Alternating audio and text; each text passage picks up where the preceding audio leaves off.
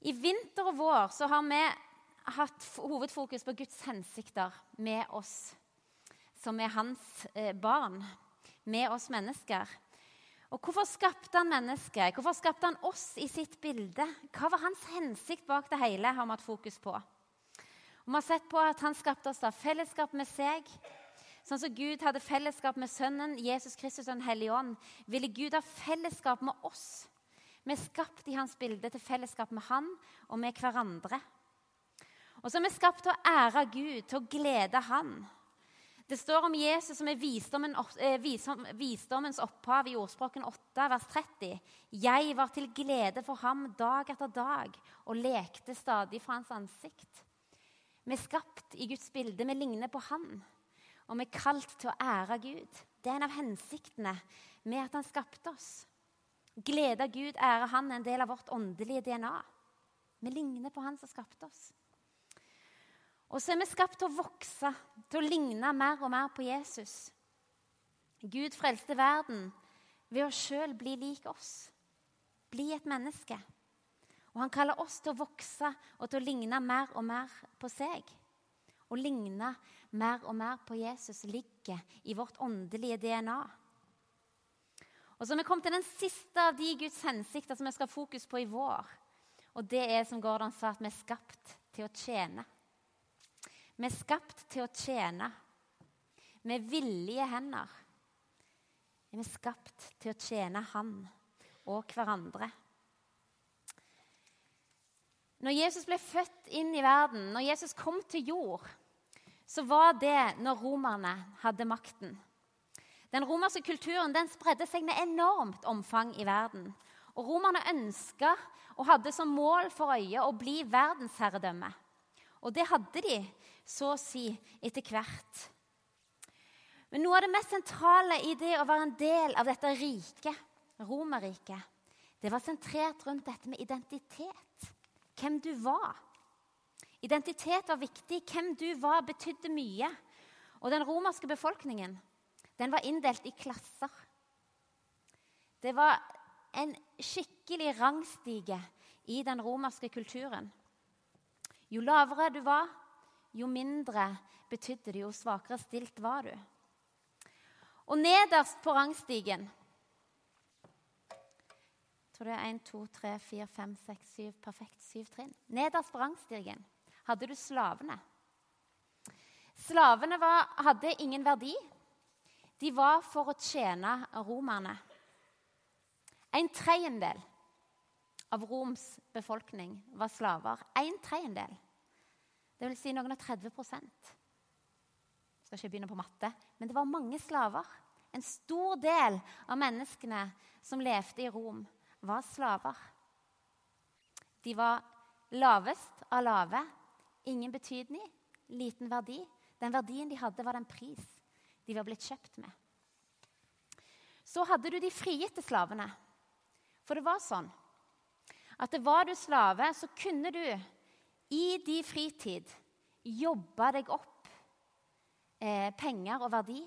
Sånn at etter mangfoldige år så kunne du gå til din herre og betale deg fri ved å betale den prisen Herren hadde betalt for deg når han kjøpte deg.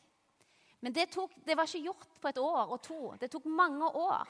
For det var ikke mye fritid disse slavene hadde til å jobbe seg inn midler. Neste trinn opp på randstigen Det heter så mye så Jeg må, jeg må ha notatene her, for det, var, det er litt sånn vanskelig å, å, si det. Plebeierne, for dere som ikke har hørt det. Plebeierne. Og plebeierne de utgjorde største del av Roms befolkning. De, eh, de, var, de, var, eh, de, representerte den store massen egentlig av romerske borgere. Og Plebeierne var sosialt og økonomisk underlegne. De var kanskje ikke rike, de eide ikke så mye men de hadde det romerske borgerskapet. Og det hadde verdi. For var du romersk statsborger, da var du anerkjent, og du var inkludert i det gode fellesskapet. Det var en stor fordel å ha um, statsborgerskapet til Romerriket. Så kom patrisier, heter det. De utgjorde 3% av Roms befolkning. Men de Håkon Rønnestad er litt nervøs nå. ser det på deg. De utgjorde 3% av befolkningen, men de eide størstedelen av ressursene. De satt på det meste av pengene. Kanskje noen av dere som meg ser en sammenligning. Vi bor i et av verdens rikeste land. Og de rike i verden i dag er ca. rundt 3-4% Og vi har mest av ressursene i verden, men vi utgjør minst. Sånn var det i Romerriket òg. 3 av befolkningen hadde det aller, aller meste av ressursene tilgjengelig. Så kom Senatet og eliten. Senatet var eldsterådet som satt rundt Cæsar. Eldsterådet var kanskje De var i underkant av 50, vet jeg. De var ikke mange, men de var eliten. De var òg store. De solte seg i glansen fra folket. For de utgjorde eldsterådet til Cæsar, som var kongen. Cæsar Seriøst. Cæsar var Gud. Cæsar var Gud for folket. Alle så opp til Cæsar. Det var ingen ved siden, det var ingen over, men det var mange under. Han hadde eliten rundt seg som ei lita gruppe, men han var på topp. Ene hersker, enevelder. Og inn i den kulturen, inn i den romerske kulturen, så kom Gud til jord i mennesket Jesus Kristus. Han som hadde himmelen til trone. Han som har jorden til sin fotskammel. Han som er overalt og alle. Han som er høyt opphøya, som er den evige Gud. Veldig stor, hellig og allmektig. Han, den allmektige, valgte å komme til jord. Og I motsetning til det den romerske kulturen representerte, så valgte Gud å stige ned som menneske til sin fotskammel, jorda. Han ble som oss. Han ble som meg og deg. Og Håkon pusta letta ut. Han valgte å stige ned og De eh, første kristne de hadde en sang de sang når de var samla i hjemmene. Den blir kalt Jesushymnen, og du leser den i Filippane 2. Han var i Guds skikkelse og så det ikke som et røv å være Gud lik. Men gav avkall på sitt eget og tok på seg en tjenerskikkelse og ble mennesker lik. Da han sto fram som menneske, fornedret han seg selv og ble lydig til døden, ja, døden på korset. Dette sang de. Derfor har også Gud opphøyd ham til det høyeste og gitt ham navnet over alle navn. I Jesu navn skal derfor hvert kne bøye seg, i himmelen, på jorden og under jorden. Og hver tunge skal bekjenne at Jesus Kristus er Herre, til Gud Faders ære. Han som var høyt oppe, han steig ned Akkurat dette med at Jesus ble tjener, og denne teksten skal vi komme mer tilbake til senere i taleserien. Men jeg hadde lyst til å ta det med, for det er hele fundamentet for forståelsen av det Gud faktisk gjorde når han steig ned og ble alles tjener. Og vi er skapt i hans bilde. I hans bilde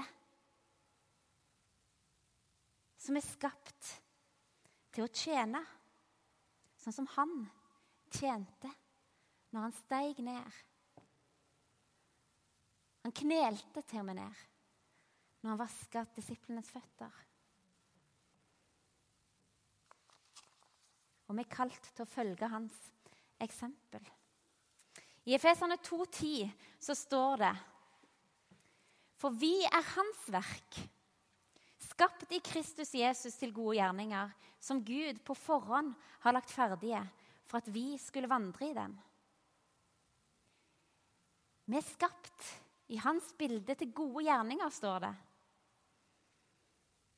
Altså må det si tjeneste. Det er ikke tenkt å være ei valgfri greie for oss som tror, for oss i menigheten. Tjenesten er ikke tenkt å være en valgfri greie.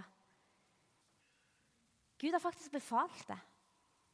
I Isaiah 43, 21 står det Mitt folk, som jeg har formet, skal forkynne min pris.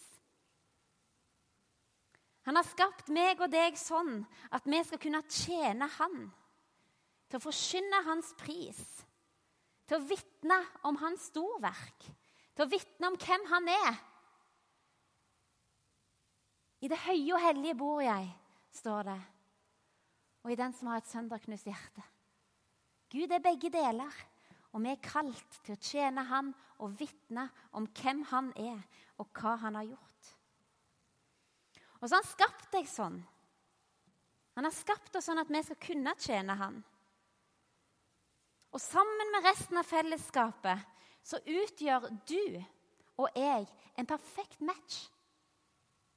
Perfekt match for nettopp den hensikten Gud har. Mitt folk som jeg har formet, skal forkynne min pris. Du er skrudd sammen sånn av Han som skapte seg, til en perfekt match til de ferdiglagte gjerninger, til den oppgaven han har for akkurat deg i det fellesskapet du ble en del i når du sa ja til Jesus Kristus. I Efeserne 3,18 så står det Må dere, sammen med alle de hellige, bli i stand til å fatte bredden og lengden, høyden og dybden, ja, kjenne Kristi kjærlighet, som overgår all kunnskap. Det vil si all kunnskap, eller iallfall det meste av kunnskapen som ligger i Gud, har han gitt til kirka, til menighetsfellesskapet. Og så skal vi sammen, som de hellige, i Han favne bredden og dybden og høyden av hele Guds fylde. Det er fantastisk, og det er stort, og det er drøyt, egentlig. Hva vi er gitt i Han, i fellesskapet. Han i oss, og vi i Han. Å tjene er et felles oppdrag der vi sammen maler det bildet Gud har tenkt. Han er den som skaper. Han er den som former i oss, i oss og gjennom oss. Og det gjør han på en genial måte. Og først og fremst så var det som en tjener. Han kom for å tjene oss. Han sa det menneskesønnen er ikke kommet for å la seg tjene, men for oss selv å tjene. At han ble løspenge for mange. Det sier Jesus om seg sjøl. Og fordi han ble tjener, så kaller han oss til å tjene hverandre. Men du er en perfekt match i forhold til han, sånn som han har tenkt at du eh, skal virke i hans rike. For det første får dere opp et sånt. For det første så har du fått, blitt gitt spiritualitet. Eller for å si det på en litt enklere måte du er blitt gitt nådegaver. Et spesielt design av Gud med evner og gaver. Og dette er gammel kunnskap for mange av oss, men av og til trenger vi å løfte det fram igjen. For det, det Iallfall hos meg så kan det, det sklir litt langt bak i bevisstheten noen ganger. Vi er blitt gitt menigheten, du og jeg er blitt gitt all alle egenskaper som trengs for å vitne og forkynne hvem Jesus er. På mange ulike måter. Det er det vi kaller nådegaver. Peter skriver i 1. Peters brev.: Tjen hverandre, hver og en, med den nådegave han har fått. Og Mange av oss vet hva nådegaver vi har, og mange gjør det kanskje ikke. Men det er viktig at vi oppdager dem. For det er så utrolig vakkert og fint og kult når Gud virker med sine gaver. Det er så fantastisk. Og Mange av oss har kjent på det. og Det er ingenting som er mer inspirerende eller virkekraftig som når menigheten gjør det han er kalt å være. Utfyller hverandre. Utruster hverandre og heier hverandre fram.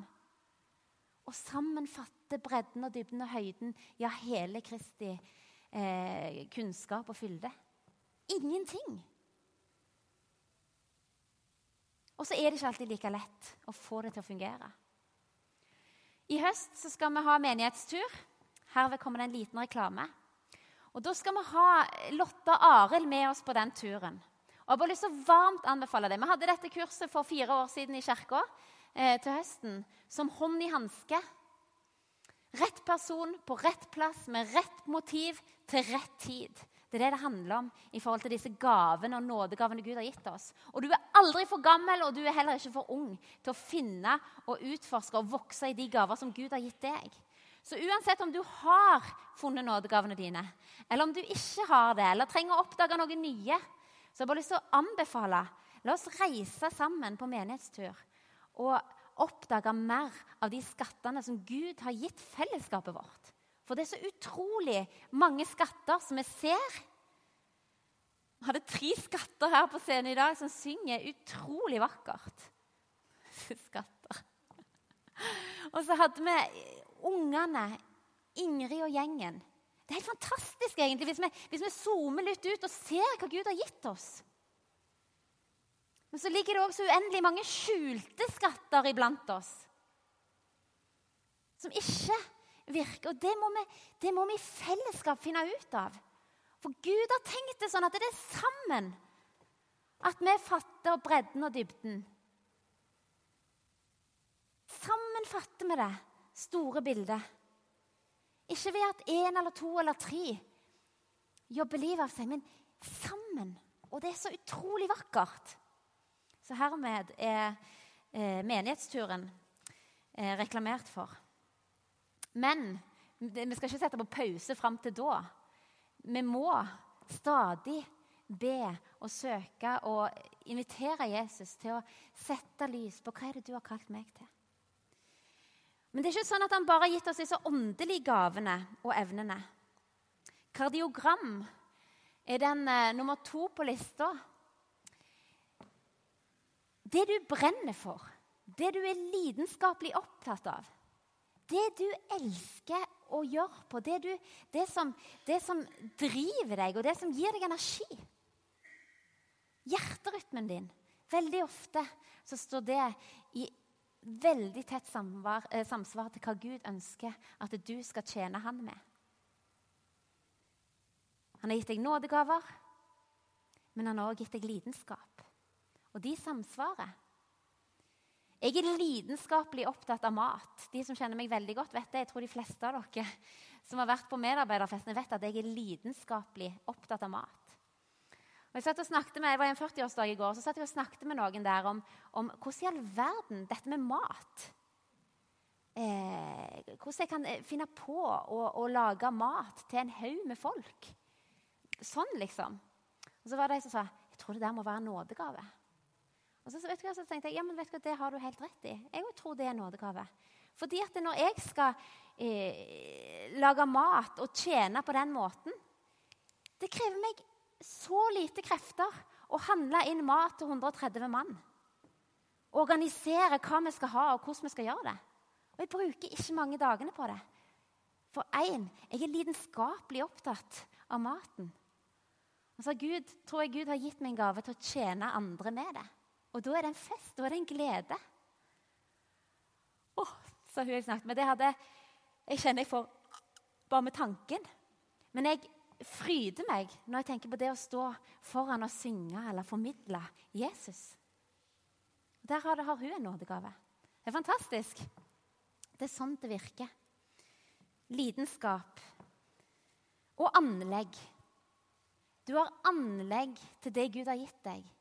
Det ligger i strukturen av den du er, sammen med personligheten. Og Personlighet er viktig, og jeg tror vi trenger stadig å minne oss på det. At vi er forskjellige som personer. Personlighetene våre spiller inn.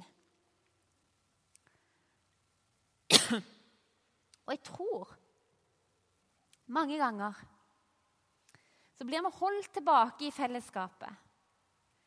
Fordi vi enten ikke tør være oss sjøl og være de vi er. Alle har vi utviklingspotensial.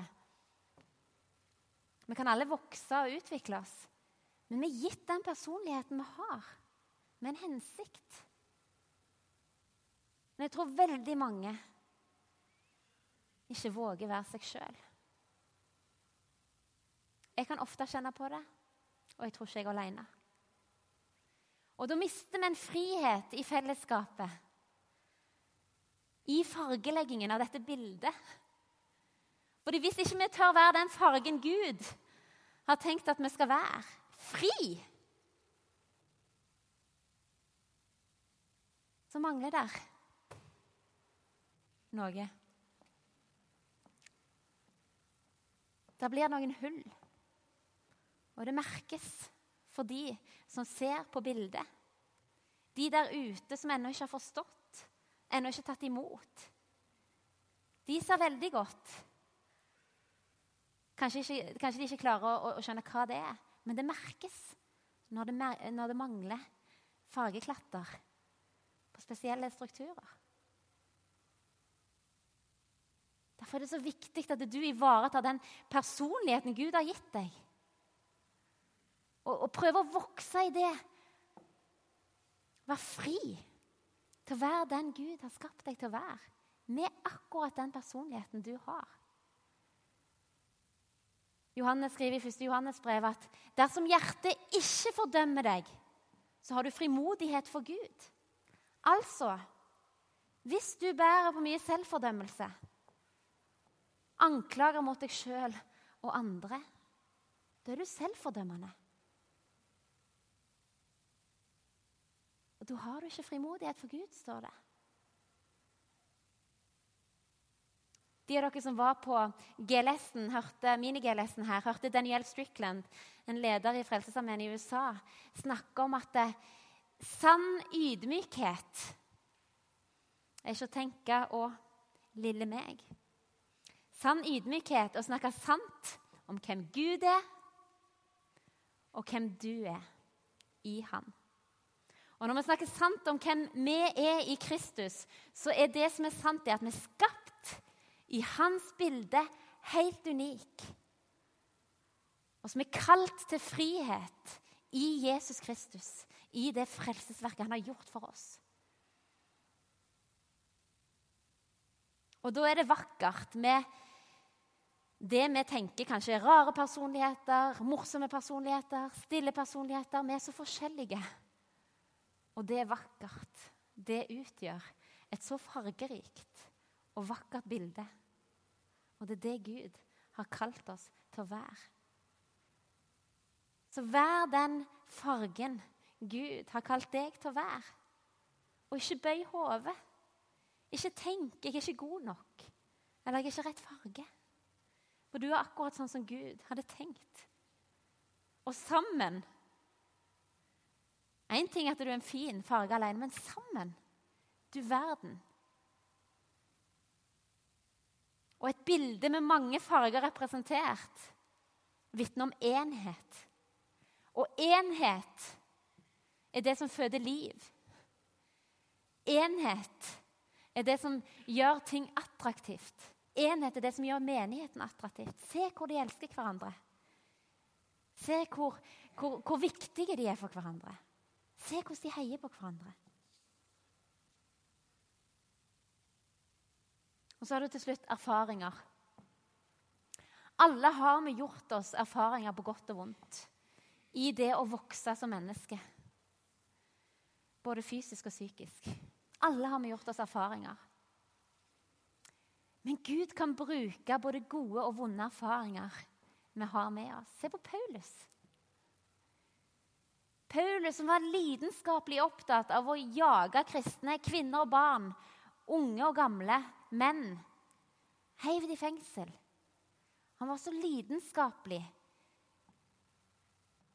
i det han gjorde, og i de erfaringene han gjorde seg. Så møtte Jesus han. Erfaringen Paulus hadde gjennom et langt liv av å være iherdig og ivrig og eh, på for en sak.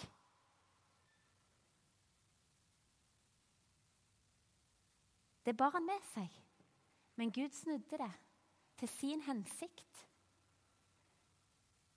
Men Paulus var fortsatt de erfaringene han hadde gjort seg.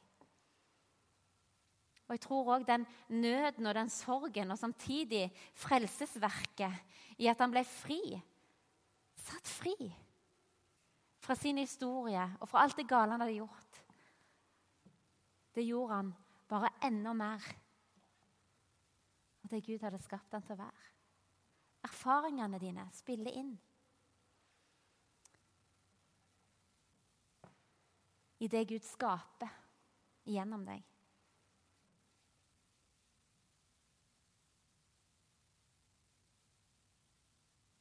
Å tjene Gud har aldri tenkt å være kjedelig.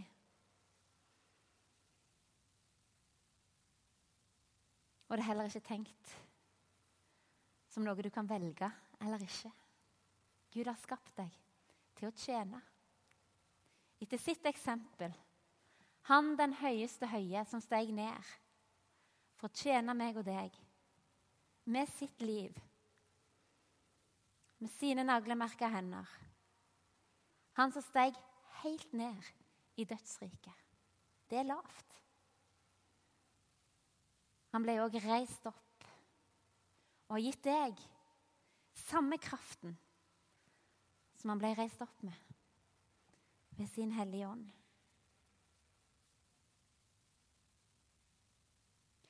Kanskje er det sånn at noen her, både av oss som er her og av oss som ikke er her, trenger på ny få finjustert den fargen som Gud har tenkt vi skal være. På det bildet han har tenkt å male med Haugesund misjonskirke her i Skårdalen. For Gud har gitt oss alt vi trenger til det at det skal være det flotteste bildet. Det flotteste kunstverket. Og han har mange mennesker han ønsker å nå gjennom kirka vår. Og Samtidig som han har det, så ønsker han at du skal være fri til å tjene. Fri til å virke. Fri til å være den fargeklatten som han har skapt deg til å være i det kunstverket.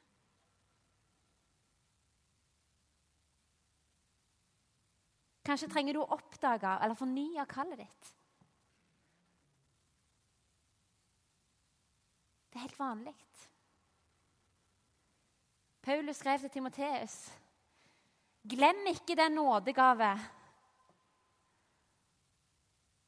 som du ble gitt når de la hendene på deg og ba for deg.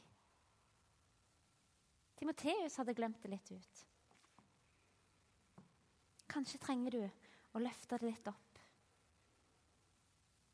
Kanskje er det du som ikke har funnet ut av dette med nådegaver, at det er evner som Gud har spesielt for deg. Kanskje er det noe i dette skapediagrammet som gjorde at hjertet ditt banka ekstra hardt. Gud kaller på deg. Gud kaller deg til tjeneste. Da kan komme opp. Den oppstandende Jesus Kristus ønsker stadig å merke oss med sine naglemerka hender. Og drive oss i den tjenesten som ikke handler om en oppgave eller noe vi skal gjøre. Å tjene handler om noe vi er og er kalt til å være. Tjen hverandre. Du er kalt til tjeneste. Du er kalt til å ligne på Han, og du er kalt til å tjene Han. Vi skal bruke litt tid nå. Hanne skal, og eh, Lina skal synge for oss og med oss. Og så kan du få lov til å sitte der du sitter, og bare være framfor Jesus og ta imot av det han ønsker å gi deg. Men er det noe du har lyst til å enten legge av deg, en byrde, eller noe som ligger deg tungt på hjertet? Det kan være noe, det trenger ikke handle om tjeneste. Det handler om hvem eh, du er, og hva du lengter etter, og hva du opplever holder deg tilbake. Så kan du ta en stein ut av den svarte bøtta på sida der og legge det ned ved korset. Som en bønn og som et tegn til Gud at jeg legger det av meg. Ta imot det. Sett meg fri. Eller du kan tenne et lys for noe du har på hjertet. Du kan skrive en bønnelapp, eller du kan søke forbønn i kapellet. Der er det forbedere som vil være med og be for deg. Og så bruker vi litt tid innenfor vår Herre Jesus Kristus nå. Og lar Hans kall til oss, til å tjene, synke inn. Og vi gjør det i Jesu navn. Vær så god.